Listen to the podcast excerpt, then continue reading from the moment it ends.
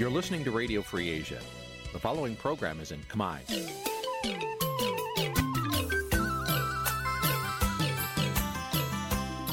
នេះជាកម្មវិធីផ្សាយ Vuthu Azizi Serai នេះជាកម្មវិធីផ្សាយរបស់ Vuthu Azizi Serai ជាភាសាខ្មែរ Vuthu Azizi Serai សូមស្វាគមន៍លោកអ្នកនាងទាំងអស់ពីរដ្ឋធានី Washington នៃសហរដ្ឋអាមេរិក ចាប់ពីរដ្ឋធានី Washington នាងខ្ញុំម៉ៅសុធានីសូមជម្រាបសួរលោកអ្នកស្ដាប់ទាំងអស់ជាទីមេត្រីជាយើងខ្ញុំសូមជូនការផ្សាយសម្រាប់ព្រឹកថ្ងៃអាទិត្យ15រោចដាច់ខែផុតបុត្រឆ្នាំខាលចត្វាស័កពុទ្ធសករាជ2566ហើយដល់ត្រូវនៅថ្ងៃទី25ខែកញ្ញាគ្រិស្តសករាជ2022ជាកិច្ចចាប់ផ្ដើមនេះនាងខ្ញុំសូមអញ្ជើញលោកអ្នកនាងកញ្ញាស្ដាប់ព័ត៌មានប្រចាំថ្ងៃដែលមានមេត្តាដូចតទៅ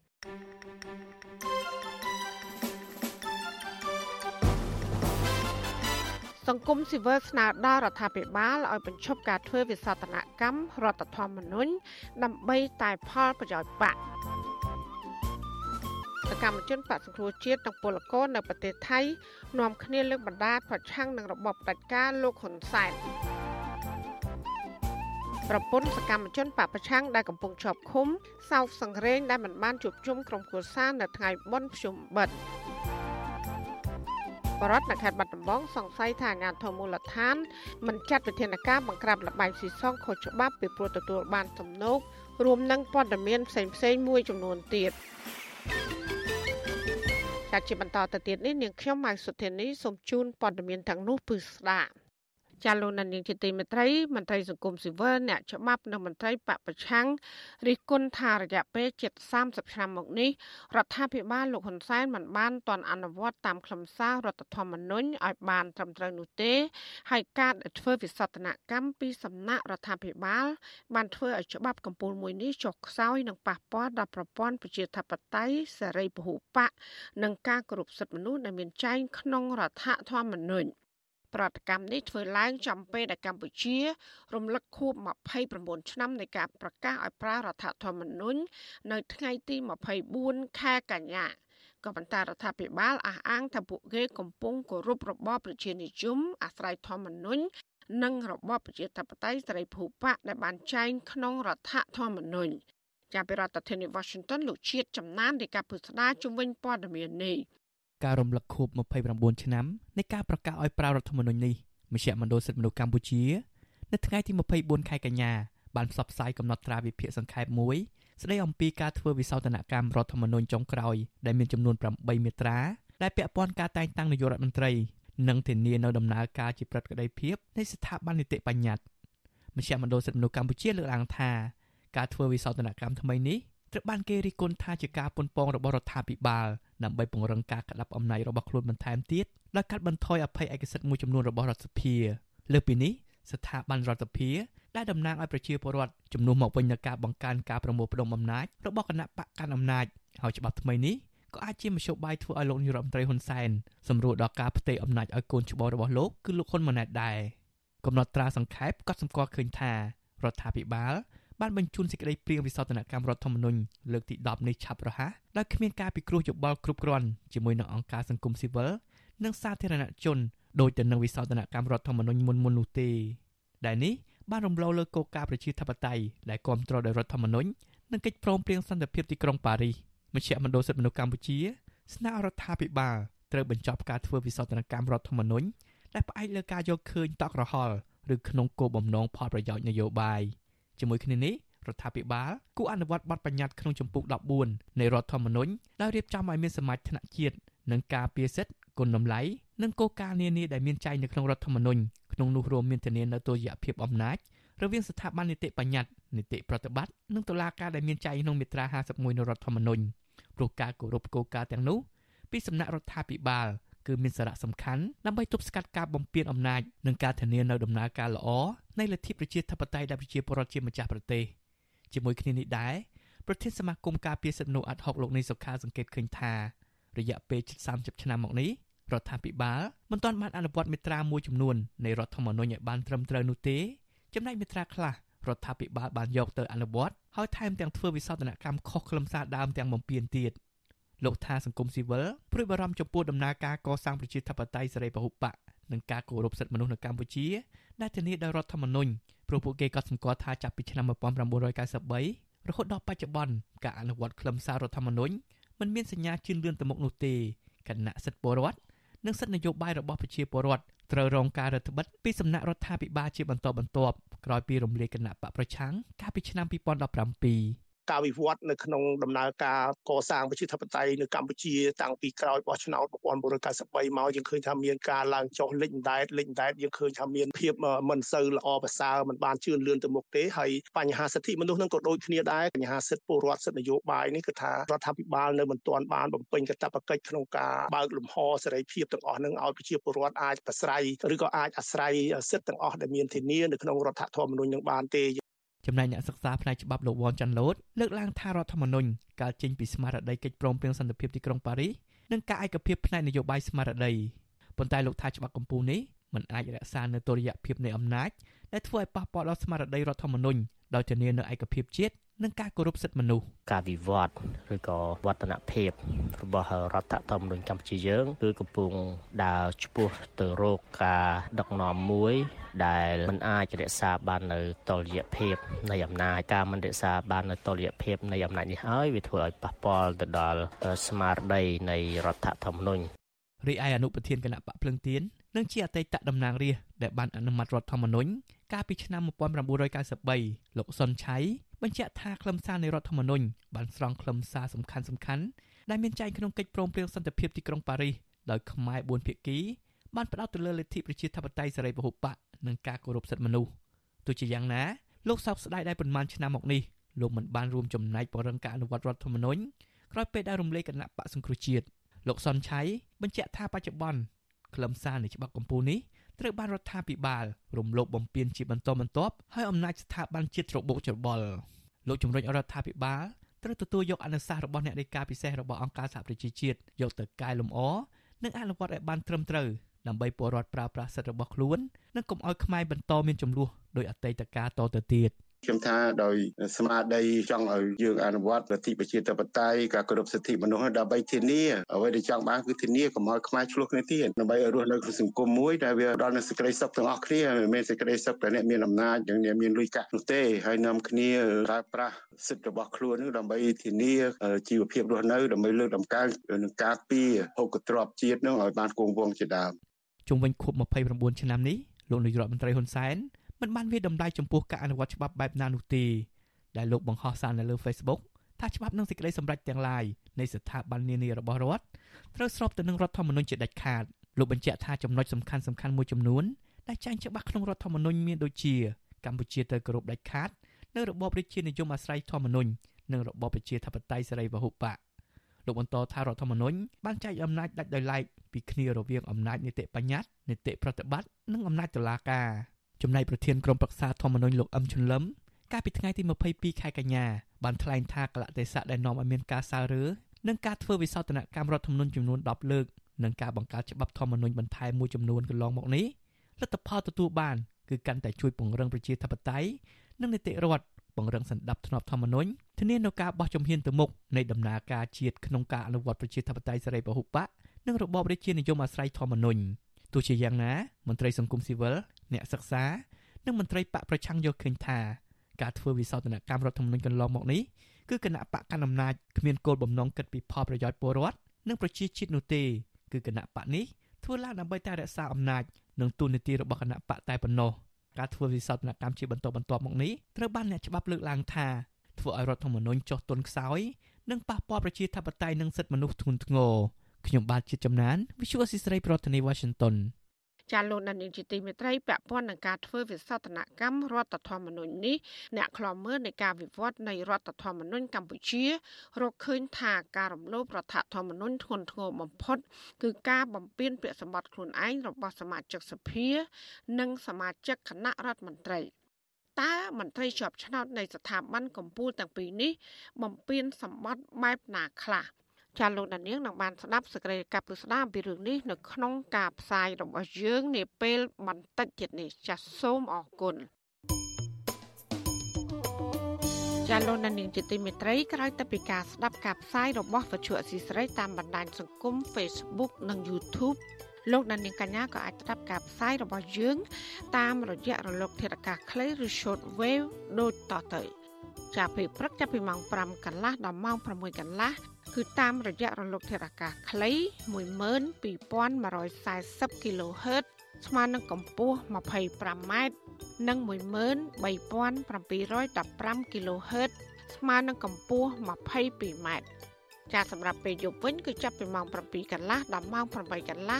គឺតាមរយៈរលកធាតុអាកាសខ្លី9960 kHz ស្មើនឹងកម្ពស់ 30m 12140 kHz ស្មើនឹងកម្ពស់ 25m ហើយនឹង11885 kHz ស្មើនឹងកម្ពស់ 25m ចាសសូមអរគុណ លោកអ្នកស្ដាប់ជាទីមេត្រីនៅឯសហរដ្ឋអាមេរិកនេះវិញប្រជាប្រដ្ឋខ្មែរនិងប្រជាជាតិអាស៊ីផ្សេងទៀតរាប់រយនាក់បានប្រមូលផ្ដុំគ្នាធ្វើបាតកម្មអហិង្សា ដោយលើកបដានិងស្រីជ័យខុសនៅខាងមុខទីស្នាក់ការអង្គការសហប្រជាជាតិនៅឯទីក្រុងញូវយ៉កចាពួកគេតវ៉ាប្រឆាំងការរំលោភសិទ្ធិមនុស្សនិងទាមទារឲ្យមានការគោរពលទ្ធិប្រជាធិបតេយ្យឲ្យបានពេញលេញនៅក្នុងប្រទេសកំណើតរបស់ពួកគេ ការទៀមទានេះធ្វើឡើងកាលពីថ្ងៃសុក្រទី23ខែកញ្ញាស្របពេលដែលអង្គការសហប្រជាជាតិកំពុងបើកមហាសន្និបាតលើកទី77ដោយមានមេដឹកនាំប្រទេសពីតំបន់អាស៊ានចូលរួមក្នុងនោះក៏មានលោកហ៊ុនសែនផងដែរ។ ដោយឡែកបដកម្មដែលបានធ្វើឡើងដោយប្រជាប្រដ្ឋខ្មែរនឹងមានការចូលរួមពីប្រជាប្រដ្ឋភូមាផងនោះមានគ្នាជាង300នាក់បានខាសារទៅមេដឹកនាំពិភពលោកជាពិសេសគឺអង្គការសហប្រជាជាតិឲ្យដាក់គំនាបលើរដ្ឋាភិបាលលោកហ៊ុនសែនឲ្យដោះលែងអ្នកទោសនយោបាយទាំងអស់ឲ្យមានសេរីភាពឡើងវិញនិងត្រូវគោរពកិច្ចព្រមព្រៀងសន្តិភាពទីក្រុងប៉ារីសចា៎នេះគឺជាសកម្មភាពពិស្ដាររបស់លោកសេកបណ្ឌិតជំវិញព័ត៌មាននេះ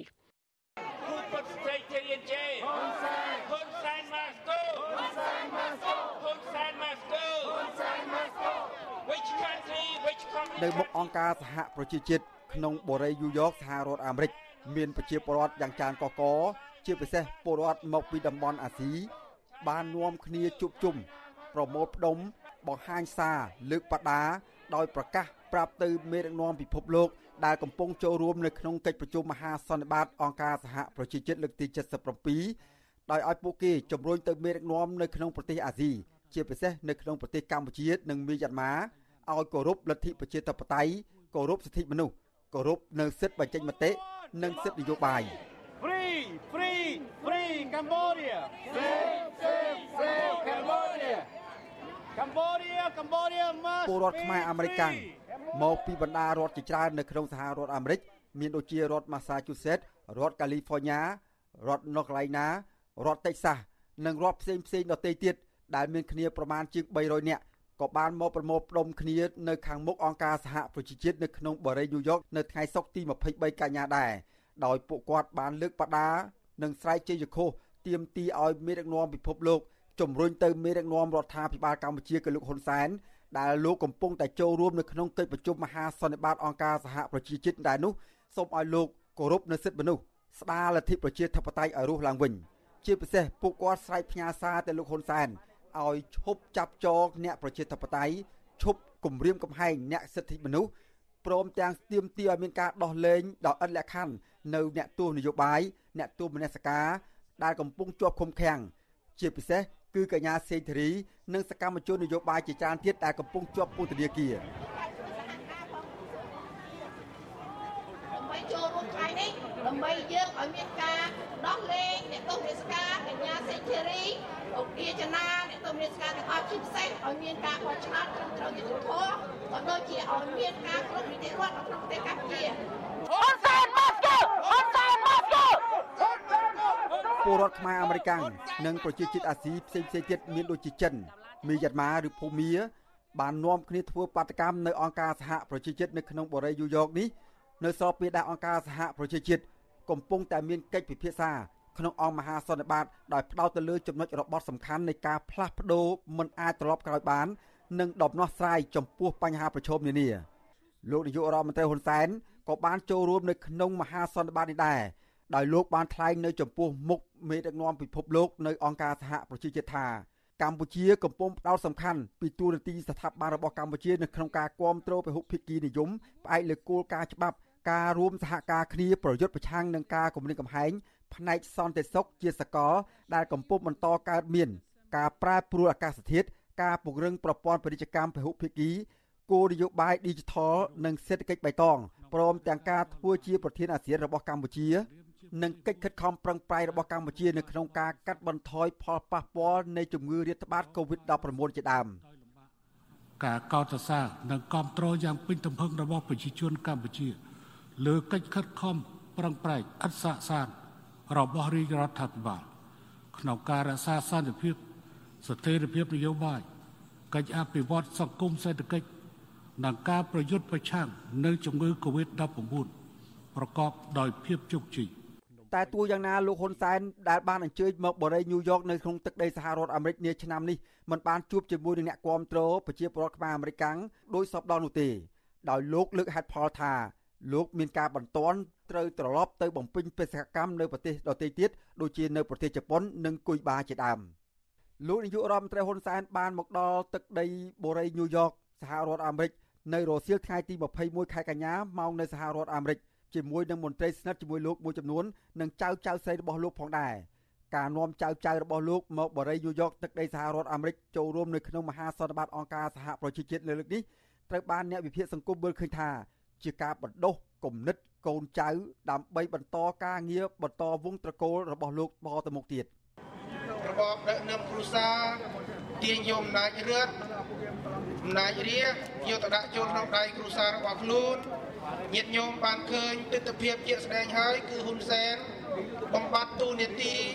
មន្ត្រីក្រសួងការបរទេសទាំងមូលមកប្រជុំអង្គការសហជីវជាតិនឹមចៅមកអត់បង្ហាញថាហ៊ុនសែនជាមេដឹកនាំជាតិទេ ហ៊ុនសែនជាមេដឹកនាំគ្រួសារព្រោះមានចៅមានកូនរបស់គាត់ជាអ្នកដឹកនាំ Jayo democracy in Cambodia. Who killed Cambodian people? Who sent land to China? ទោះយ៉ាងណាក៏ដោយខ្មែរអាមេរិកដែលបានចូលរួមធ្វើបាតកម្មនៅអង្គការសហប្រជាជាតិនៅក្នុងទឹកដីបូរីយូយ៉កនៅតែទៀមទានិងប្រកាសទៅដល់មេដឹកនាំពិភពលោកឲ្យជំរុញទៅដល់លោកហ៊ុនសែន ធ្វើយ៉ាងណាឲ្យគោរពកិច្ចព្រមព្រៀងសន្តិភាពទីក្រុងប៉ារីសគោរពនៅការបញ្ចេញមតិរបស់ប្រជាពលរដ្ឋធ្វើឲ្យលទ្ធិប្រជាធិបតេយ្យរស់ឡើងវិញព្រមទាំងបើកលំហសេរីភាពនយោបាយឲ្យមានការប្រកួតប្រជែងតាមរយៈការបោះឆ្នោតមួយដែលសេរីត្រឹមត្រូវនឹងយុត្តិធម៌អាចឲ្យអន្តរជាតិនិងគ្រប់ភាគីទទួលយកបានខ្ញុំបាទសេកបណ្ឌិតវិទ្យុអស៊ីសេរីរាយការណ៍ពីអង្គការសហប្រជាជាតិនៅក្នុងបរិយាញូវយ៉កសហរដ្ឋអាមេរិក លោកអ្នកស្ដាប់ជាទីមេត្រីចំណែកនៅប្រទេសថៃអនុវិញសកម្មជនគណបកសង្គ្រោះជាតិដែលបានភៀសខ្លួនដោយសារនយោបាយហើយនិងពលករនៅប្រទេសថៃកាលពីព្រឹកថ្ងៃទី24ខែកញ្ញាម្សិលមិញបានមកជួបជុំគ្នានៅទីក្រុងបាងកកដើម្បីលើកបដាប្រឆាំងនឹងរដ្ឋាភិបាលលោកហ៊ុនសែន ពួកគេក៏បានទាមទាររដ្ឋាភិបាលគោរពតាមកិច្ចព្រមព្រៀងទីក្រុងប៉ារីសនិងគោរពរដ្ឋធម្មនុញ្ញឲ្យបានត្រឹមត្រូវចាសសូមស្ដាប់សេចក្តីរាយការណ៍របស់លោកទីនហ្សាការីយ៉ាជុំវិញរឿងនេះដូចតទៅសកម្មជនគណបកប្រឆាំងប្រមាណជា20នាក់ធ្វើបាតកម្មនៅទីក្រុងបាងកកទាមទាររដ្ឋាភិបាលកម្ពុជាងាកមកគោរពរដ្ឋធម្មនុញ្ញដែលប្រសូតចេញពីកិច្ចព្រមព្រៀងសន្តិភាពទីក្រុងប៉ារីសឆ្នាំ1991 ក្រុមបាតកោចង់អរដ្ឋាភិបាលគោរពលទ្ធិប្រជាធិបតេយ្យគោរពសិទ្ធិមនុស្សនិងឈប់ធ្វើទុកបុកម្នេញគណៈបកប្រឆាំងអ្នករិះគន់និងឈប់បំផ្លាញធនធានធម្មជាតិជាដើមសកម្មជនគណៈបកសង្គ្រោះជាតិខេត្តកំពង់ស្ពឺដែលភៀសខ្លួនទៅនៅប្រទេសថៃលហុងថេងប្រាប់វិទ្យុអាស៊ីសេរីនៅថ្ងៃទី24កញ្ញាថាការជួបជុំរបស់ក្រុមបាតកោពីព្រោះពួកគេមិនពេញចិត្តនឹងរបបលហ៊ុនសែនដែលមិនព្រមអនុវត្តតាមរដ្ឋធម្មនុញ្ញឆ្នាំ1993 យើងឃើញហើយថាពេលដែលច្បាប់រដ្ឋធម្មនុញ្ញនៅក្នុងប្រទេសរបស់យើងក្រឡាប់ចាក់ធ្វើឲ្យយើងជួបផលវិបាកជាច្រើនដូចជាលោកហ៊ុនសែនហ៊ានអនុញ្ញាតឲ្យអាណានិគមយួនមកទទួលបានសិទ្ធិរស់នៅក្នុងប្រទេសកម្ពុជា ហើយឲ្យជនជាតិយួនដាក់ភាសាយួននៅក្នុងប្រទេសកម្ពុជា ហើយគាត់នឹងកាត់ដីមួយចំនួនឲ្យយួនរស់នៅស្របច្បាប់សកម្មជនគណបកប្រឆាំងម្នាក់ទៀតលោកមេងសុធារាលើកឡើងថា រដ្ឋាភិបាលលហ៊ុនសែនបានបំពេញរដ្ឋធម្មនុញ្ញលោកចង់ឃើញប្រទេសជាហត្ថលេខីនៃកិច្ចព្រមព្រៀងសន្តិភាពទីក្រុងប៉ារីសជួយតម្រង់ទិសឲ្យរដ្ឋាភិបាលកម្ពុជាងាកមកគោរពតាមរដ្ឋធម្មនុញ្ញដើម្បីផលប្រយោជន៍ជាតិនិងប្រជាពលរដ្ឋលោកបន្តថាប្រជាពលរដ្ឋត្រូវតែជួយជំរុញទៅរដ្ឋាភិបាលកុំឲ្យដឹកនាំប្រទេសប្រឆាចពីរដ្ឋធម្មនុញ្ញ គឺយើងចង់មកទៀមទាឲ្យលោកហ៊ុនសែនគាត់គោរពនៅរដ្ឋធម្មនុញ្ញនៃប្រជាណាចក្រកម្ពុជាឡើងវិញកុំឲ្យគាត់បំពានរដ្ឋធម្មនុញ្ញនៃប្រជាណាចក្រកម្ពុជាជាច្រើនលើកច្រើនសារមកហើយថានេះគាត់ធ្វើរដ្ឋប្រហាររដ្ឋធម្មនុញ្ញតែម្ដងដោយការរាយចោលនៅគណៈបកប្រឆាំងដ៏ធំមួយគឺគណៈបកសង្គ្រោះជាតិចំណែកឯសកម្មជនតស៊ូមតិជាមួយកញ្ញាសេងធីរីដែលភៀសខ្លួននៅប្រទេសថៃដែរនោះលោកស្រីសាទផាឲ្យដឹងថាការតវ៉ានេះ គឺទាមទាររដ្ឋាភិបាលដោះលែងអ្នកទោសនយោបាយនិងអ្នកទោសមនសិការទាំងអស់ជាពិសេសកញ្ញាសេងធីរីឲ្យមានសេរីភាពឡើងវិញលោកស្រីបន្តថាការរស់នៅរបស់លោកស្រីក្នុងប្រទេសថៃនេះគឺមិនទាន់មានសុវត្ថិភាពទេ ដោយសារគាត់បានភៀសខ្លួនមកដល់ប្រទេសថៃគាត់កិច្ចខ្លួនដោយសារមេដឹកនាំនៅប្រជាការគឺកំពុងតែតាមប្រមាញ់ពួកគាត់ទាំងអស់គ្នានៅប្រទេសនេះក៏យើងរស់នៅតែពិបាកដែរដូច្នេះយើងសប្បាយចិត្តដែលគាត់បានចូលរួមទាំងអស់គ្នានិងបានលើកទឹកចិត្តដែលគាត់រងទុក្ខលំបាកខ្លាំងណាស់ដូចជាគាត់រស់នៅយូរយូរហើយទីមួយនៅហូបចុកគោកន្លែងរស់នៅក៏ពិបាកដែរនៅប្រទេសថៃនេះសំណើរបស់សកម្មជនគណបកប្រឆាំងនៅក្រៅប្រទេសទាមទាររដ្ឋាភិបាលគោរពតាមរដ្ឋធម្មនុញ្ញនេះ ចំខួបលើកទី29ឆ្នាំនៃការប្រកាសឲ្យប្រើប្រាស់រដ្ឋធម្មនុញ្ញជាផ្លូវការ24កញ្ញាឆ្នាំ1993វិទ្យុអសិរ័យមិនអាចតេតងប្រធានអង្គភិបអ្នកនាំពាក្យរដ្ឋាភិបាលលោកផៃសិផាននិងអ្នកនាំពាក្យគណៈបកប្រជាជនកម្ពុជាលោកសុកអេសានដើម្បីសួរអំពីបញ្ហានេះបានទេនៅថ្ងៃទី24កញ្ញាជំវិញនឹងរឿងនេះដែរនាយកទទួលបន្ទុកផ្នែកទូតទៅនៃអង្គការលីកាដូលោកអំសំអាតលើកឡើងថាសំណើរបស់សកម្មជនគណៈបកប្រឆាំងនេះ រដ្ឋាភិបាលមានសិទ្ធិធ្វើតាមឬមិនធ្វើតាមប៉ុន្តែលោកមិនចង់ឃើញមានការខ្វែងគំនិតគ្នាទេពាក់ព័ន្ធនឹងការអនុវត្តរដ្ឋធម្មនុញ្ញនេះ តកតងនឹងកិច្ចព្រមព្រៀងទីក្រុងប៉ារីសយើងឃើញថាមានការបកស្រាយមានការបញ្ច្រាស់ទិសគ្នាហើយដោយរដ្ឋាភិបាលថាកិច្ចព្រមព្រៀងទីក្រុងប៉ារីសហ្នឹងអស់ពលភាពហើយប៉ុន្តែអង្គការសង្គមស៊ីវិលក៏ដូចជាខាងគណៈបកនយោបាយវិញក៏ដូចជាអតីតគណៈបកប្រឆាំងថាកិច្ចព្រមព្រៀងទីក្រុងប៉ារីសហ្នឹងមិនតាន់អស់ពលភាពទេអស់ពលភាពតែចម្ពោះមួយចំនួនតែប៉ុណ្ណោះចាប់តាំងពីឆ្នាំ2017ពលគឺក្រោយពីរដ្ឋាភិបាលលហ៊ុនសែនរំលាយគណៈបកសង្គ្រោះជាតិមក ត្រូវបានសហគមន៍ជាតិអន្តរជាតិមើលឃើញថារបបលហ៊ុនសែនបានបំផ្លាញប្រជាធិបតេយ្យរំលោភសិទ្ធិមនុស្សគៀបសង្កត់សម្លេងប្រឆាំងអ្នករិះគន់និងចាប់ខ្លួនសកម្មជននយោបាយសកម្មជនបរិស្ថានដាក់ពន្ធនាគារជាបន្តបន្ទាប់ទង្វើទាំងនេះផ្ទុយពីរដ្ឋធម្មនុញ្ញដល់ចែងថាពលរដ្ឋមានសិទ្ធិស្មើគ្នាចំពោះមុខច្បាប់សិទ្ធិចូលរួមក្នុងសកម្មភាពនយោបាយនិងសិទ្ធិធ្វើកោតកម្មបាតកម្មជាដើមខ្ញុំទីនសាការីយ៉ាអាស៊ីសេរីប្រធានីវ៉ាស៊ីនតោន thank you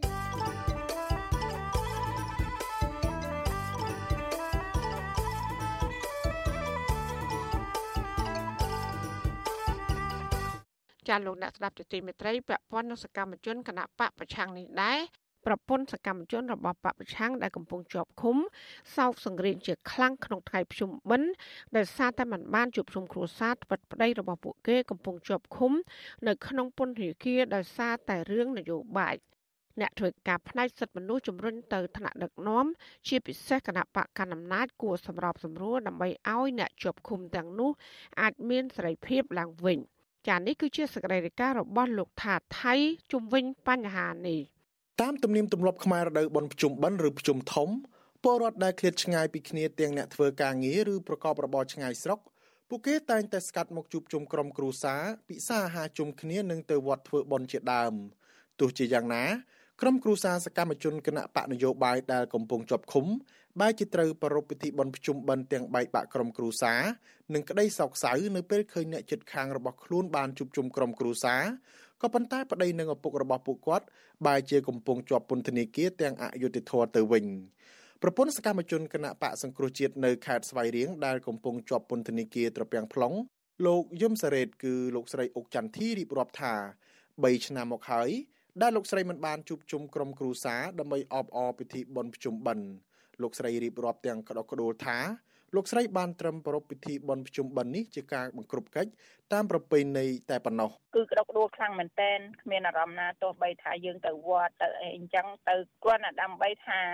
គម្រប់គម្រប់រដូវបុណ្យភ្ជុំកុំតែខកខានតែបើថាឲ្យអារម្មណ៍សប្បាយត្រេកអរនឹងរដូវបុណ្យភ្ជុំហ្នឹងគឺអត់មានអារម្មណ៍សប្បាយត្រេកអរទេគឺមានតែអារម្មណ៍ទុក្ខសោក ស្រដៀងគ្នានេះដែរប្រពន្ធសកម្មជនគណៈបកប្រឆាំងដែលកំពុងជាប់ឃុំលោកគង់ម៉ាស់គឺលោកស្រីកុលសាថ្លែងថាលោកស្រីហាក់តូចចិត្តនឹងវាសនាខ្លួននៅពេលដែលបរដ្ឋផ្សេងជួបជុំក្រុមគ្រួសារប៉ុន្តែក្រុមគ្រួសារលោកស្រីបែរជាមិនបានជួបជុំគ្នាក្នុងពិធីបុណ្យភ្ជុំបិណ្ឌនេះលោកស្រីថាលោកស្រីបានបួងសួងសូមឲ្យប្តីលោកស្រីឆាប់ទទួលបានយុត្តិធម៌និងមានសេរីភាពឡើងវិញអញ្ចឹងសម្រាប់ខ្ញុំទីក្រុមគ្រួសារខ្ញុំមានការឈឺចាប់ហើយក៏ដូចជាទៅណាបណ្ណាឃើញគេអឺ ទៅវត្តវាពេលទីចូលវត្តចូលអីចឹងទៅក៏គាត់មានអនុស្សាវរីយ៍ទៅជាមួយគ្នាទៅណាមកណាជុំគូខ្សាមានតែខាងបនសានបនព្រះបនទេវតាអីដើម្បីឲ្យជាមានថ្ងៃណាមួយយើងជួបជុំក្រុមគ្រួសារយើងវិញ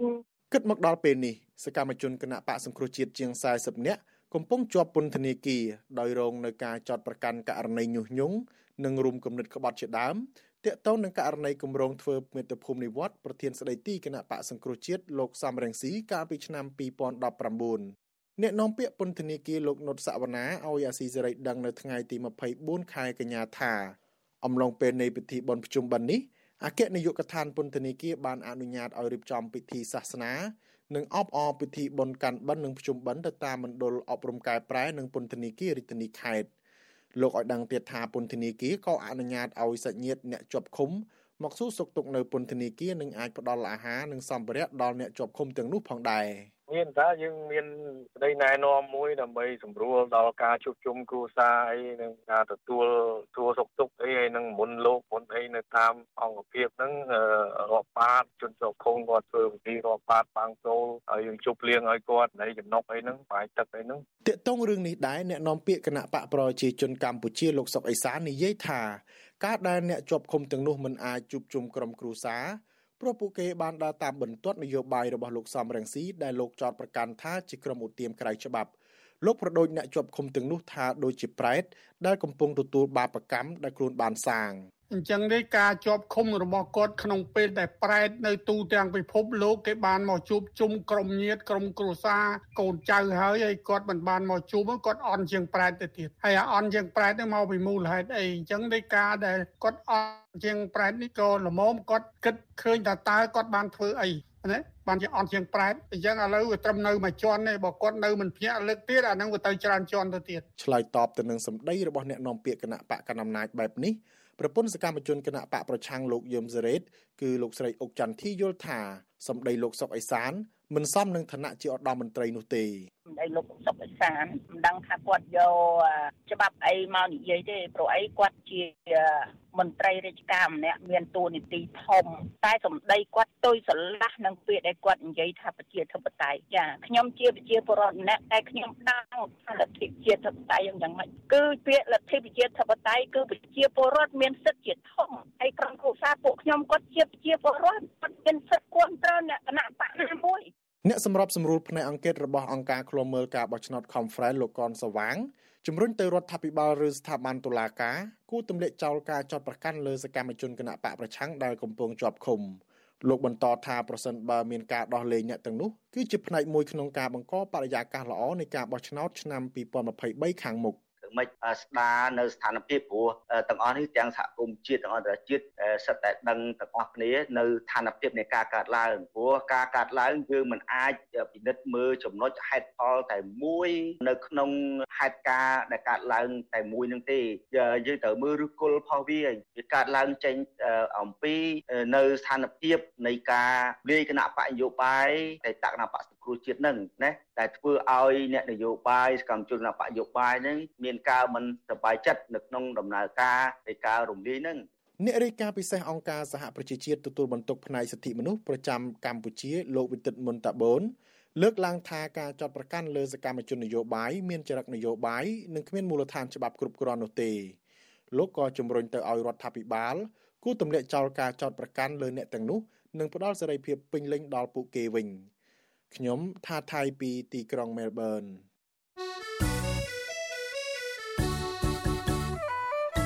ចាលោកនាងជាទីមេត្រីក្នុងឱកាសនេះដែរនាងខ្ញុំសូមថ្លែងអំណរគុណដល់លោកនាងកញ្ញាដែលតែងតែមានភក្ដីភាពចំពោះការផ្សាយរបស់យើង ហើយចាត់ទុកការស្ដាប់វិទ្យុអសីស្រីជាផ្នែកមួយនៃសកម្មភាពប្រចាំថ្ងៃរបស់លោកអ្នក ចាការគ្រប់គ្រងរបស់លោកនាងនេះហើយដែលធ្វើយើងខ្ញុំមានទឹកចិត្តកាន់តែខ្លាំងបន្ថែមទៀតក្នុងការស្វែងរកនិងផ្តល់ព័ត៌មាន សម្រាប់ជូនលោកនាងចាំមានអ្នកស្ដាប់និងអ្នកទស្សនាកាន់តែច្រើនកាន់តែធ្វើឲ្យយើងខ្ញុំ មានភាពស្វាហាប់មោះមុតជាបន្តទៀតចាយើងខ្ញុំសូមអរគុណទុកជាមុនហើយក៏សូមអញ្ជើញលោកអ្នកនាងកញ្ញាចូលរួមជំរុញសកម្មភាពផ្តល់ព័ត៌មានរបស់យើងនេះឲ្យកាន់តែបានជោគជ័យបន្ថែមទៀត ចាលោកអ្នកនាងអាចជួយយើងខ្ញុំបានដោយគ្រាន់តែចុចចែករំលែកឬ share ការផ្សាយរបស់យើងខ្ញុំនៅលើបណ្ដាញសង្គម Facebook និង YouTube ទៅកាន់មិត្តភ័ក្តិរបស់លោកអ្នកនាងដើម្បីឲ្យការផ្សាយរបស់យើង បានទៅដល់មនុស្សកាន់តែច្រើនចាសសូមអរគុណ ចាលោកនាងជាទីមេត្រីអាញាធរកម្ពុជាក្រុងបណ្ដេញជនបរទេសប្រមាណ7,200នាក់ទៅប្រទេសកំណើតពួកគេវិញក្រោយដែលសមត្ថកិច្ចបានរកឃើញថាពួកគេបានមកធ្វើការនិងរស់នៅនៅកម្ពុជាដោយខុសច្បាប់រដ្ឋបាលខេត្តបរសៃអនុកាលពីថ្ងៃទី23ខែកញ្ញាបានបញ្ជាក់តាមគេហទំព័រ Facebook របស់ខ្លួនថាសមត្ថកិច្ច បានចុះប្រតិបត្តិការត្រួតពិនិត្យទីតាំងអគារប៉ាវយ៉ុង Technology ដែលស្ថិតនៅសង្កាត់លេខ4ខេត្តបរសៃអនុដើម្បីស្រាវជ្រាវករណីជួញដូរមនុស្សបង្ខាំងមនុស្សនិងការបើកបនលបែងខុសច្បាប់ជាដើម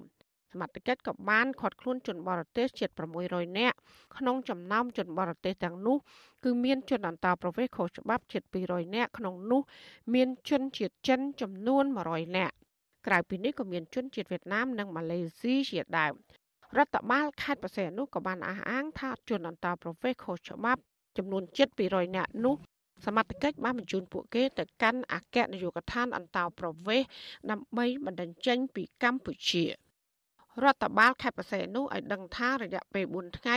ចាប់ពីថ្ងៃទី19ដល់ថ្ងៃទី21ខែកញ្ញាសមត្ថកិច្ចបានឃាត់ខ្លួនជនបរទេសជាង400នាក់ក្នុងនោះគឺមានជាង300នាក់គឺជាជនជាតិចិន ហើយដែលមានជិត200នាក់ស្នាក់នៅនិងធ្វើការខុសច្បាប់នៅកម្ពុជា ចំណែកជនបរទេសសរុបជាង200នាក់ទៀតអគ្គនាយកដ្ឋានអន្តរប្រវេសន៍បានផាកពិន័យជាទឹកប្រាក់ចំនួន26000ដុល្លារក្រៅពីនេះជនបរទេសដែលអគ្គនាយកដ្ឋានអន្តរប្រវេសន៍តម្រូវឲ្យស្នើសុំបានការងារថ្មី គឺប្រមូលបានពន្ធបានជាង60000ដុល្លាររយៈពេល4ថ្ងៃដដែលនេះសមត្ថកិច្ចក៏បានបើកការស៊ើបអង្កេត លើក្រុមហ៊ុន Galaxy World ដែលស្ថិតនៅក្នុងសង្កាត់លេខ4ដើម្បីត្រួតពិនិត្យនៅអាជ្ញាប័ណ្ណអាជីវកម្មការស្នាក់នៅរបស់ជនអន្តោប្រវេសន៍និងត្រូវពិនិត្យទីតាំងដែលសង្ស័យថាមានការបង្ខាំងមនុស្សខុសច្បាប់ ចាក្នុងប្រតិបត្តិការនេះសមត្ថកិច្ចក៏បានឃាត់ខ្លួនជនជាតិចិន11នាក់និងជនជាតិខ្មែរ8នាក់ដែលបានសង្ស័យថាមានជាប់ពាក់ព័ន្ធនឹងការបង្ខាំងមនុស្សខុសច្បាប់ នៅក្នុងសន្តាគារធម្មពលថ្មី ដែលស្ថិតនៅក្នុងសង្កាត់3ហើយជនរងគ្រោះបានដាក់ពាក្យបណ្ដឹងទៅអាជ្ញាធរ ចាមន្ត្រីសង្គមស៊ីវិលរិះគន់ថាការដែលកម្ពុជានារយៈពេលចុងក្រោយនេះសម្បូរទៅដោយក្រុមអក្រិតជននិងលេចឡើងនៅបាត់ល្មើសបែបអក្រិតកម្មច្រើនទម្រង់នោះគឺដោយសារតែរដ្ឋាភិបាលអនុវត្តច្បាប់គ្មានប្រសិទ្ធភាព និងមានអំពើពុករលួយ។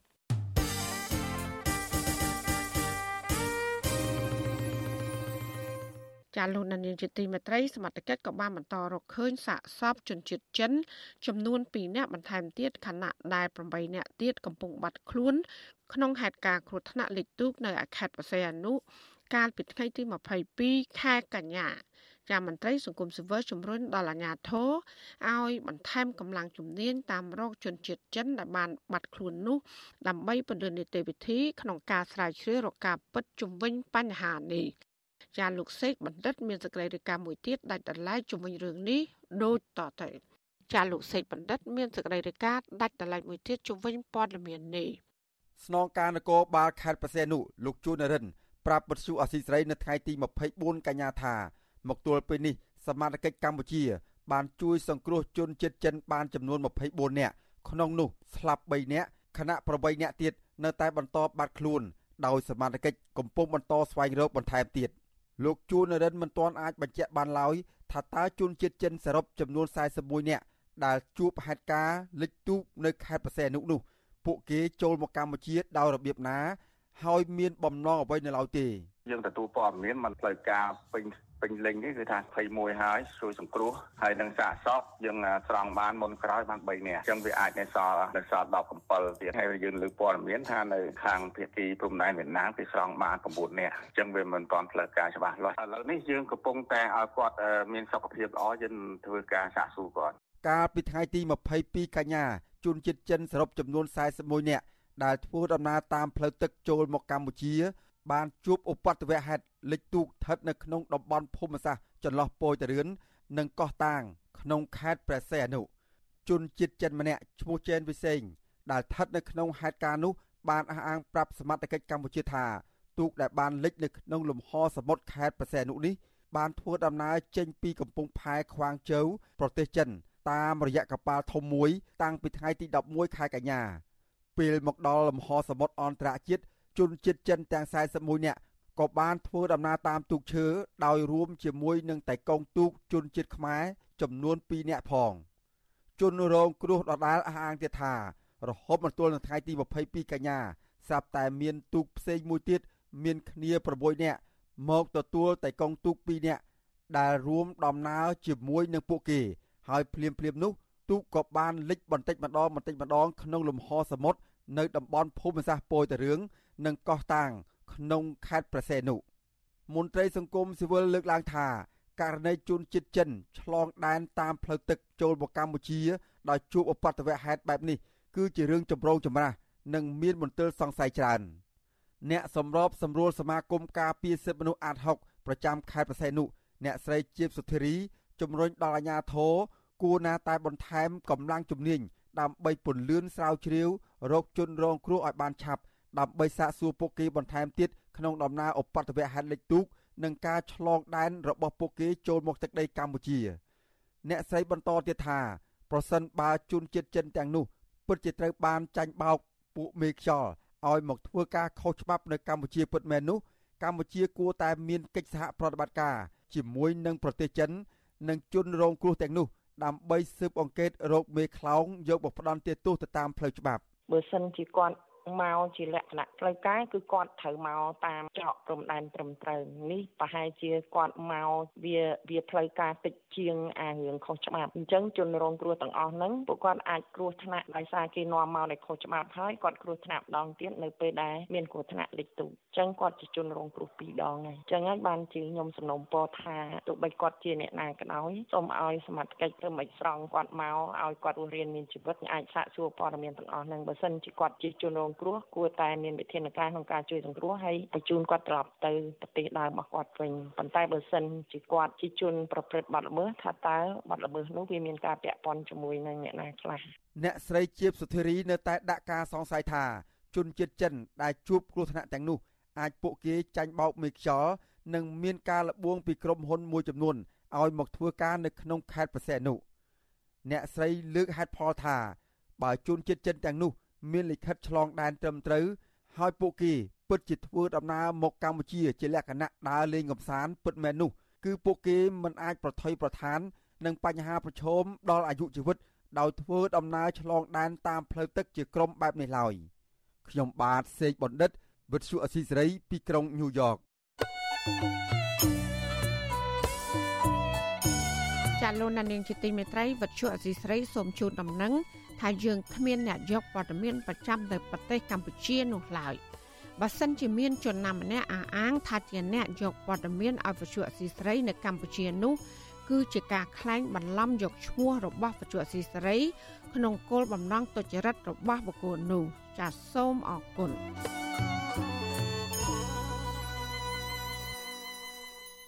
លោកអ្នកស្ដាប់ជទិញមេត្រីនៅឯខេត្តបាត់ដំបងឯនោះវិញ ប្រជាប្រដ្ឋរស់នៅតាមមូលដ្ឋានបានអះអាងថាលបែងស៊ីសងឆ្នោតកន្ទុយលេខ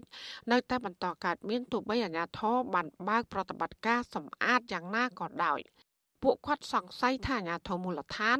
មិនបានចាត់វិធានការពីព្រោះទទួលសំណូកពីម្ចាស់បាត់លបែងមន្ត្រីសង្គមស៊ីវិលថាអាញាធរគួរបង្កើនសមត្ថភាព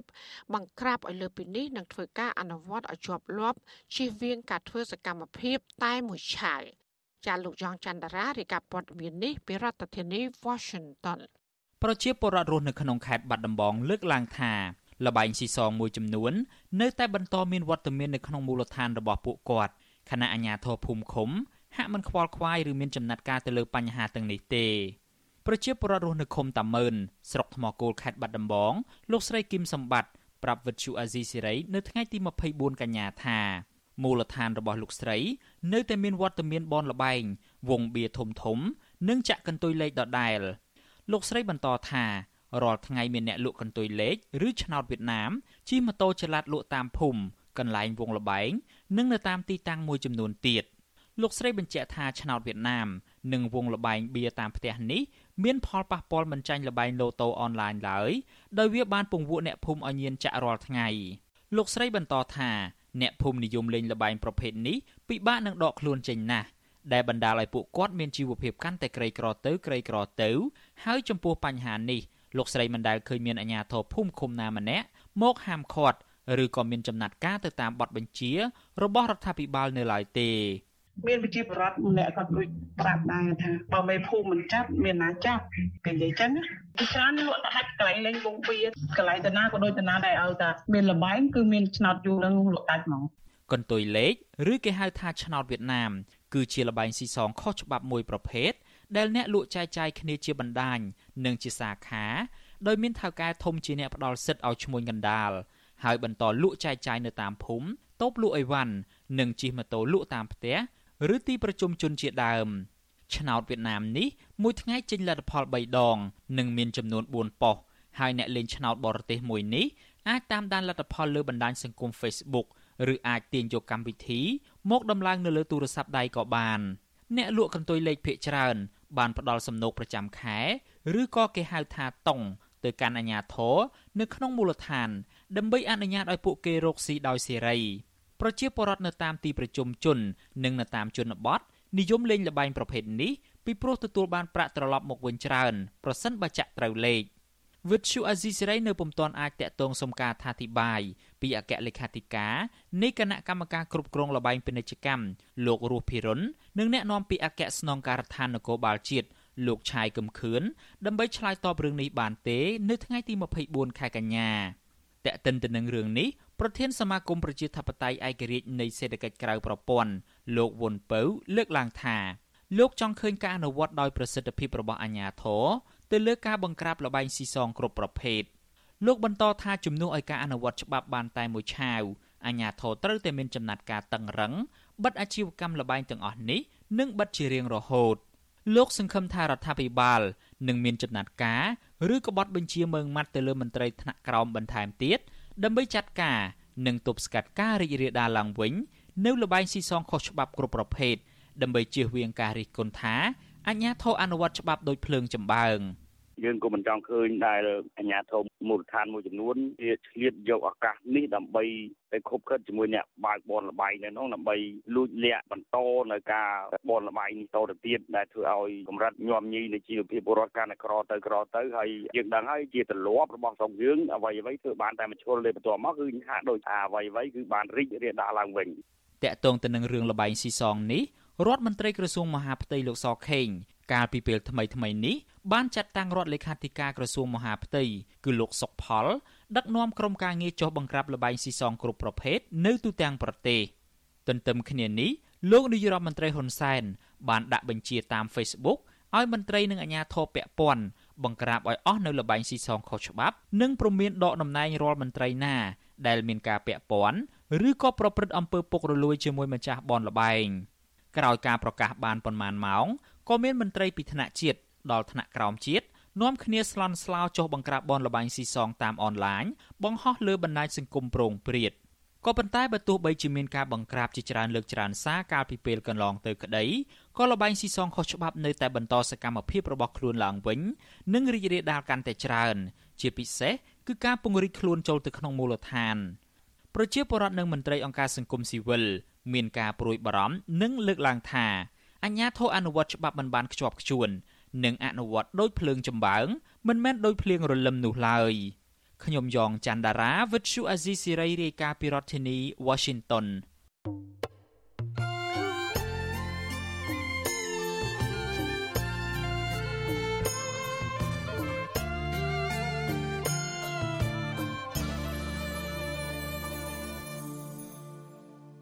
ចាលោកណានីជាទីមេត្រីអ្នកខ្លំមើលការវិវត្តនៃរដ្ឋធម្មនុញ្ញកម្ពុជា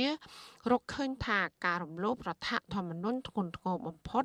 គឺការបំពេញពាក្យសម្បត្តិខ្លួនឯងរបស់សមាជិកសភា និងសមាជិកគណៈរដ្ឋមន្ត្រីតើមន្ត្រីជាប់ឆ្នោតនៃស្ថាប័នកម្ពុជាទាំងនេះ បំពេញសម្បត្តិបែបណាខ្លះ ក្នុងឱកាសខួប29ឆ្នាំនៃរដ្ឋធម្មនុញ្ញ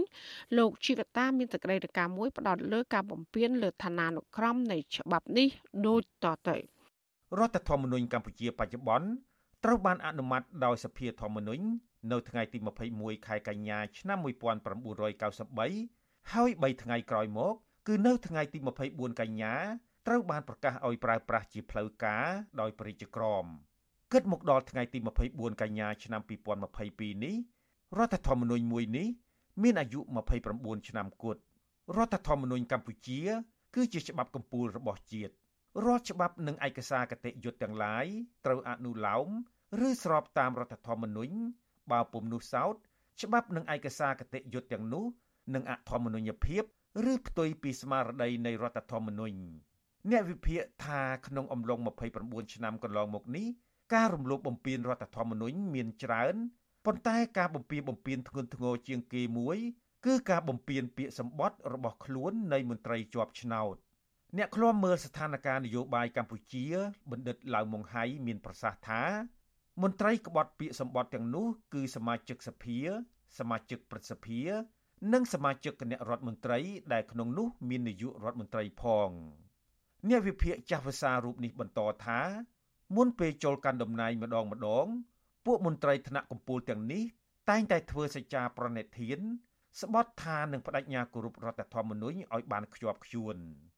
ពាក្យសម្បត្តិទាំងនោះក៏ត្រាទុកក្នុងឧបសម្ព័ន្ធទី5ទី6និងទី7នៃរដ្ឋធម្មនុញ្ញបច្ចុប្បន្នដែលមានខ្លឹមសារដូចដូចគ្នាថាទូលព្រះបង្គំយើងខ្ញុំ ប្រធាន អនុប្រធាន សមាជិករដ្ឋសភា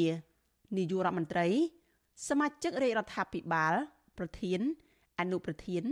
សមាជិកព្រឹទ្ធសភាសូមធ្វើសច្ចាប្រណិធាន នៅចំពោះព្រះភ័ក្ត្រព្រះមហាក្សត្រព្រះភ័ក្ត្រនៃសម្ដេចព្រះសង្ឃរាជនិងទេវតារក្សាស្វេតឆ័ត្រដូចតទៅក្នុងពេលប្រតិបត្តិការតាមមុខតំណែងខ្លួន និងក្នុងការបំពេញបេសកកម្មដែលប្រជារាស្ត្រកម្ពុជាបានប្រគល់ជូនចំពោះទូលព្រះបង្គំយើងខ្ញុំគ្រប់គ្រប់រូបទូលព្រះបង្គំយើងខ្ញុំ សូមបដិញ្ញាគោរពរដ្ឋធម្មនុញ្ញបំរើជានិច្ចទាំងក្នុងបច្ចុប្បន្នទាំងក្នុងអនាគតនៅផលប្រយោជន៍របស់ប្រជារាស្ត្រប្រជាជាតិនិងមាតុភូមិទូលព្រះបង្គំយើងខ្ញុំសូមសច្ចាថាមិនកេងប្រវ័ញ្ចនៅផលប្រយោជន៍ជាតិសម្រាប់ផ្ទាល់ខ្លួន ឬសម្រាប់គ្រួសារឬសម្រាប់បពពួកឬសម្រាប់ភៀកគីរៀងរៀងខ្លួនឡើយបើទោះជាបានស្បត់យ៉ាងអឡារឹកបដិញ្ញាគោរពរដ្ឋធម្មនុញ្ញបែបនេះក្តី ក៏ជាក់ស្ដែងវិញបណ្ឌិតឡៅម៉ុងហៃថាពួកគេបានធ្វើច្បាប់និងលិខិតបទដ្ឋានគតិយុត្តជាច្រើន បំពីបំពេញទៅលើស្មារតីរដ្ឋធម្មនុញ្ញធ្វើឲ្យនីតិរដ្ឋនៅកម្ពុជាចុះទុនខ្សោយជាលំដាប់រហូតដល់ចំណុចមួយដែលភាគីរដ្ឋាភិបាលចេញអនុក្រឹត្យបំពេញច្បាប់សភាឬរដ្ឋធម្មនុញ្ញក៏បានតាមចិត្តឧទាហរណ៍លោកនាយករដ្ឋមន្ត្រីហ៊ុនសែនបានចេញអនុក្រឹត្យជាច្រើនជាបន្តបន្ទាប់ កាត់ជ្រឿលដីបឹងតមោកដែលជាសម្បត្តិជាតិរាប់រយហិកតាឲ្យទៅសាច់ញាតិបពពួកក្រុមហ៊ុន និងអ្នកមានឥទ្ធិពលដែលស្និទ្ធនឹងលោក បំពីបំពេញលើច្បាប់ភូមិបាលច្បាប់ភូមិបាលឆ្នាំ2021មាត្រា16ចែងថាទ្រព្យសម្បត្តិសាធារណៈរបស់រដ្ឋនៅពេលបាត់បង់ផលប្រយោជន៍អាចត្រូវចាត់បញ្ចូលជាទ្រព្យសម្បត្តិឯកជនរបស់រដ្ឋតាមរយៈច្បាប់អនុប្រយោគប៉ុន្តែជាង20ឆ្នាំមកនេះ រដ្ឋសភាបរាជ័យក្នុងការបង្កើតច្បាប់នេះស្របពេលដែលគេឃើញតែលោកនាយករដ្ឋមន្ត្រីហ៊ុនសែនចេញអនុក្រឹត្យរាប់មិនអស់កាត់ដីព្រៃបឹងបួរនិងទន្លេឲ្យទៅស្ថាប័នរដ្ឋបុគ្គលមានអំណាច និងក្រុមហ៊ុនឯកជនជំនួសច្បាប់សភាទៅវិញពិតហើយអនុក្រឹត្យទាំងនោះគឺយោងទៅប្រជាក្រិតស្ដីពីគោលការណ៍និងបញ្ញត្តិអន្តរកាលនៃការធ្វើអនុប្រយោគទ្រព្យសម្បត្តិសាធារណៈរបស់រដ្ឋ និងនីតិបុគ្គលសាធារណៈឆ្នាំ2006ប៉ុន្តែយោងតាមឋានានុក្រមនៃច្បាប់កម្ពុជាទោះជាប្រជាក្រិតក៏ដោយក៏ពុំមានតម្លៃផ្លូវច្បាប់ស្មើនឹងច្បាប់ដែលរដ្ឋសភាអនុម័តឡើយច្បាប់ភូមិបាលឆ្នាំ2021មាត្រា16តម្រូវឲ្យមានច្បាប់អនុប្រយោគមិនមែនតម្រូវឲ្យមានអនុក្រឹត្យឬប្រជាក្រិតនោះទេរដ្ឋសភាដែលជាស្ថាប័នផលិតច្បាប់រយៈពេលជាង20ឆ្នាំមកនេះ មិនព្រមធ្វើច្បាប់អនុប្រយោគទេប៉ុន្តែរុញការទទួលខុសត្រូវនេះទៅរដ្ឋាភិបាលអ្នកនាំពាក្យរដ្ឋសភាលោកលេងប៉េងឡុងប្រាប់វិទ្យុអាស៊ីសេរីថារដ្ឋសភារងចាំឲ្យរដ្ឋាភិបាលជាអ្នកតាក់តែងច្បាប់នេះការរដ្ឋបាលលោកធ្វើនុប្រយោគកន្លែងកន្លែងនោះអីលោកសម្រាប់លោកខ្លួនលោកប៉ុន្តែច្បាប់យើងមិនទាន់មានច្បាប់មនុស្សប្រយោគទេមកជារឿងរឿងអ្នកនយោបាយពីតារៀនច្បាប់ធ្វើដោយអ្នកនយោបាយ បណ្ឌិតឡាវម៉ុងហៃសម្ដែងការខកចិត្តចំពោះសមាជិកសភាដែលអសកម្មមិនបានបំពេញភារកិច្ចនិងកាតព្វកិច្ចរបស់ខ្លួនតាមពាក្យសច្ចាប្រណិធាន ដែលបដិញ្ញាការពាររដ្ឋធម្មនុញ្ញលោកថារយៈពេលជាង2ទសវត្សរ៍កន្លងមកនេះតំណាងរាស្ត្រខកខានមិនបានធ្វើច្បាប់ដែលប្រជាជាតិត្រូវការ តែបែរជាទុកឱកាសឲ្យរាជរដ្ឋាភិបាលធ្វើអនុក្រឹត្យជំនួសវិញ អញ្ចឹងចឹងណាបើការទទួលខុសត្រូវរបស់តំណាងរាស្ត្រដែលជាតំណាងប្រជាជាតិទាំងមូលនិងតំណាងប្រជាពលរដ្ឋនៅក្នុងមណ្ឌលរបស់ខ្លួននេះបានគេឲ្យជាជាតំណាងប្រជាជាតិទាំងមូលដើម្បីលើផលប្រយោជន៍អាជាតិទាំងមូលធ្វើច្រប់នឹងឲ្យវាតម្លាភាពឲ្យវាទៅតម្លាភាពមានការចូលរួមពីសាធារណជនថែមទៀតទៅវាកាន់តែច្បាស់ថាអឺអានឹងបានវារិចរើមែនហើយអបអបប្រយោជន៍សាធារណៈហើយ អានឹងយកទៅធ្វើអនុប្រយោគឧទាទៅហើយនៃម្ដុំហ្នឹងបើត្រូវមានច្បាប់អនុប្រយោគមួយមិនច្បាប់អនុប្រយោគទូទៅទេណាហើយប្រតិរូបខំអំណាចធ្វើអនុប្រយោគហ្នឹងឲ្យទៅរដ្ឋាភិបាលទេណាទោះជាប្រតិរូបកម្មក៏ដោយច្បាប់ហ្នឹងក៏ប៉ុន្តែសភាគេត្រូវតាមការមើលតែអនុក្រឹត្យហ្នឹងវាត្រូវឲ្យស្របនឹងដែលច្បាប់ច្បាប់គោលទេយើងអត់មានទេបណ្ឌិតឡាវម៉ុងហៃបន្តថា ចំណែករាជរដ្ឋាភិបាលវិញក៏បំពៀបំពៀនសម្បត្តិរបស់ខ្លួនដែរលោកថាការបន្តចេញអនុក្រឹត្យជំនួសច្បាប់ គឺជាការរំលោភលើឋានានុក្រមរបស់ច្បាប់ធ្វើឲ្យកម្ពុជាក្លាយជាសង្គមជាតិមួយ ដឹកនាំដោយអំណាចអនុក្រឹត្យមិនមែនដឹកនាំដោយអំណាចច្បាប់បើថាចង់ខ្វៀលចង់កាត់យកទៅជួលគេឬមួយក៏លក់គេឬវាទៅទៅតាមរយៈទៅពីគេគ្នាដូចជាបើយើងទៅតែអនុក្រឹត្យអីក៏អនុក្រឹត្យ អានឹងហើយគេហៅថាដែរ rule by decree not the rule of law អត្តនោម័តពុករួយយ៉ាងទៅព្រោះអ្នកអ្នកត្រង់ជួរដ្ឋាភិបាលអត់គិតដល់ខ្ញុំខ្ញុំឆ្ងល់ហើយខ្ញុំអហេអំណាចផ្ដាច់ការវាអត្តនោម័តអញ្ចឹងអានឹងហើយគឺរំលោភអំណាចបំពេញលើច្បាប់វិទ្យុអាស៊ីសេរីមិនអាចតាក់ទងប្រធានអ្នកនាំពាក្យរាជរដ្ឋាភិបាលលោកផៃស៊ីផាន ដើម្បីសុំការបកស្រាយជុំវិញរឿងនេះបានទេ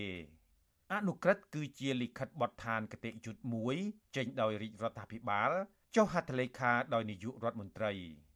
វាជាឯកសារច្បាប់ដែរតែមានតម្លៃក្រមច្បាប់រដ្ឋសភា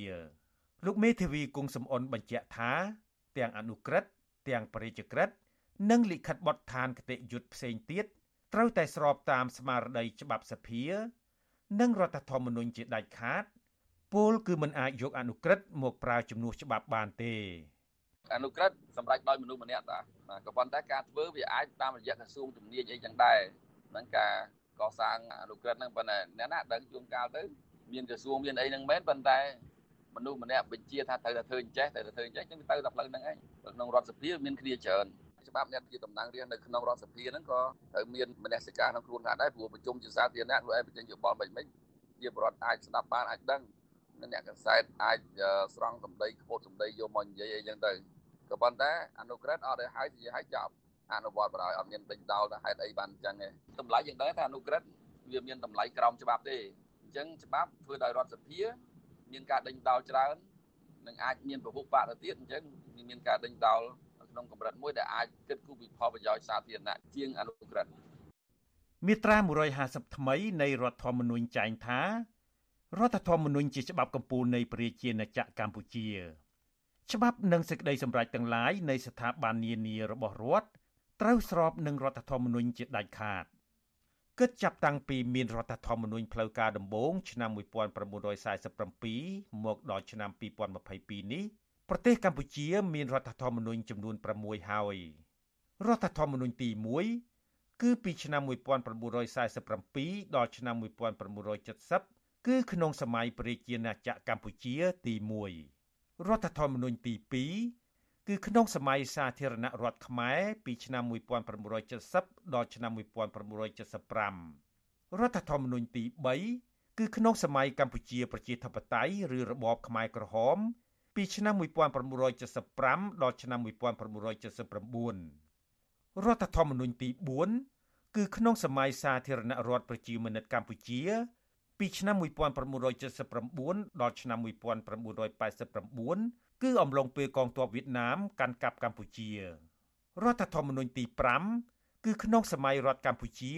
ពីឆ្នាំ1989ដល់ឆ្នាំ1993ចំណែករដ្ឋធម្មនុញ្ញទី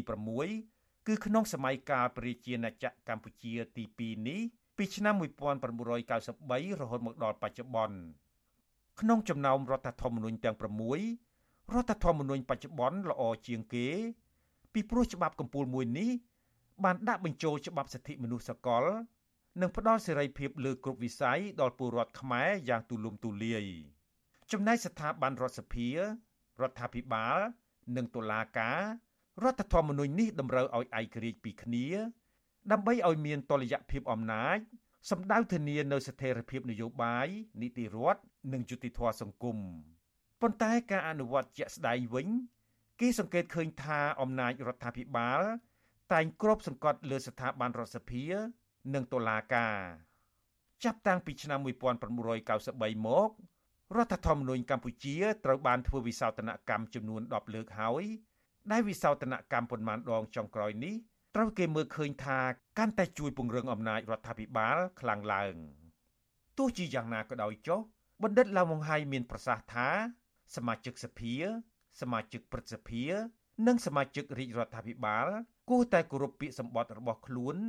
ដែលសច្ចាថាត្រូវគោរពការពាររដ្ឋធម្មនុញ្ញដែលជាច្បាប់កម្ពុជារបស់ជាតិខ្ញុំជីវិតាអាស៊ីសេរី thank you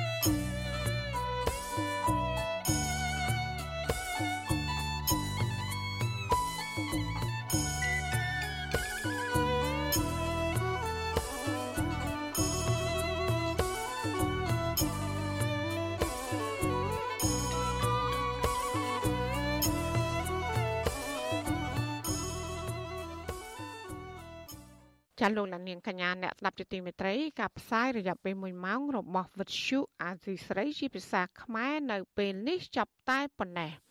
ចាយើងខ្ញុំទាំងអស់គ្នាសូមជូនពរលោកលានាងនិងក្រុមគ្រួសារទាំងអស់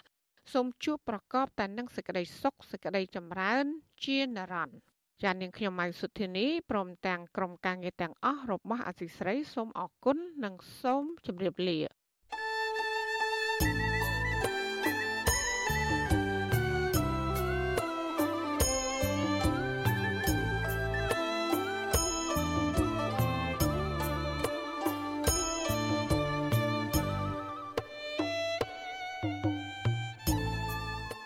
ទ្យុអាស៊ីសេរីផ្សាយតាមរលក ធាតុអាកាសខ្លី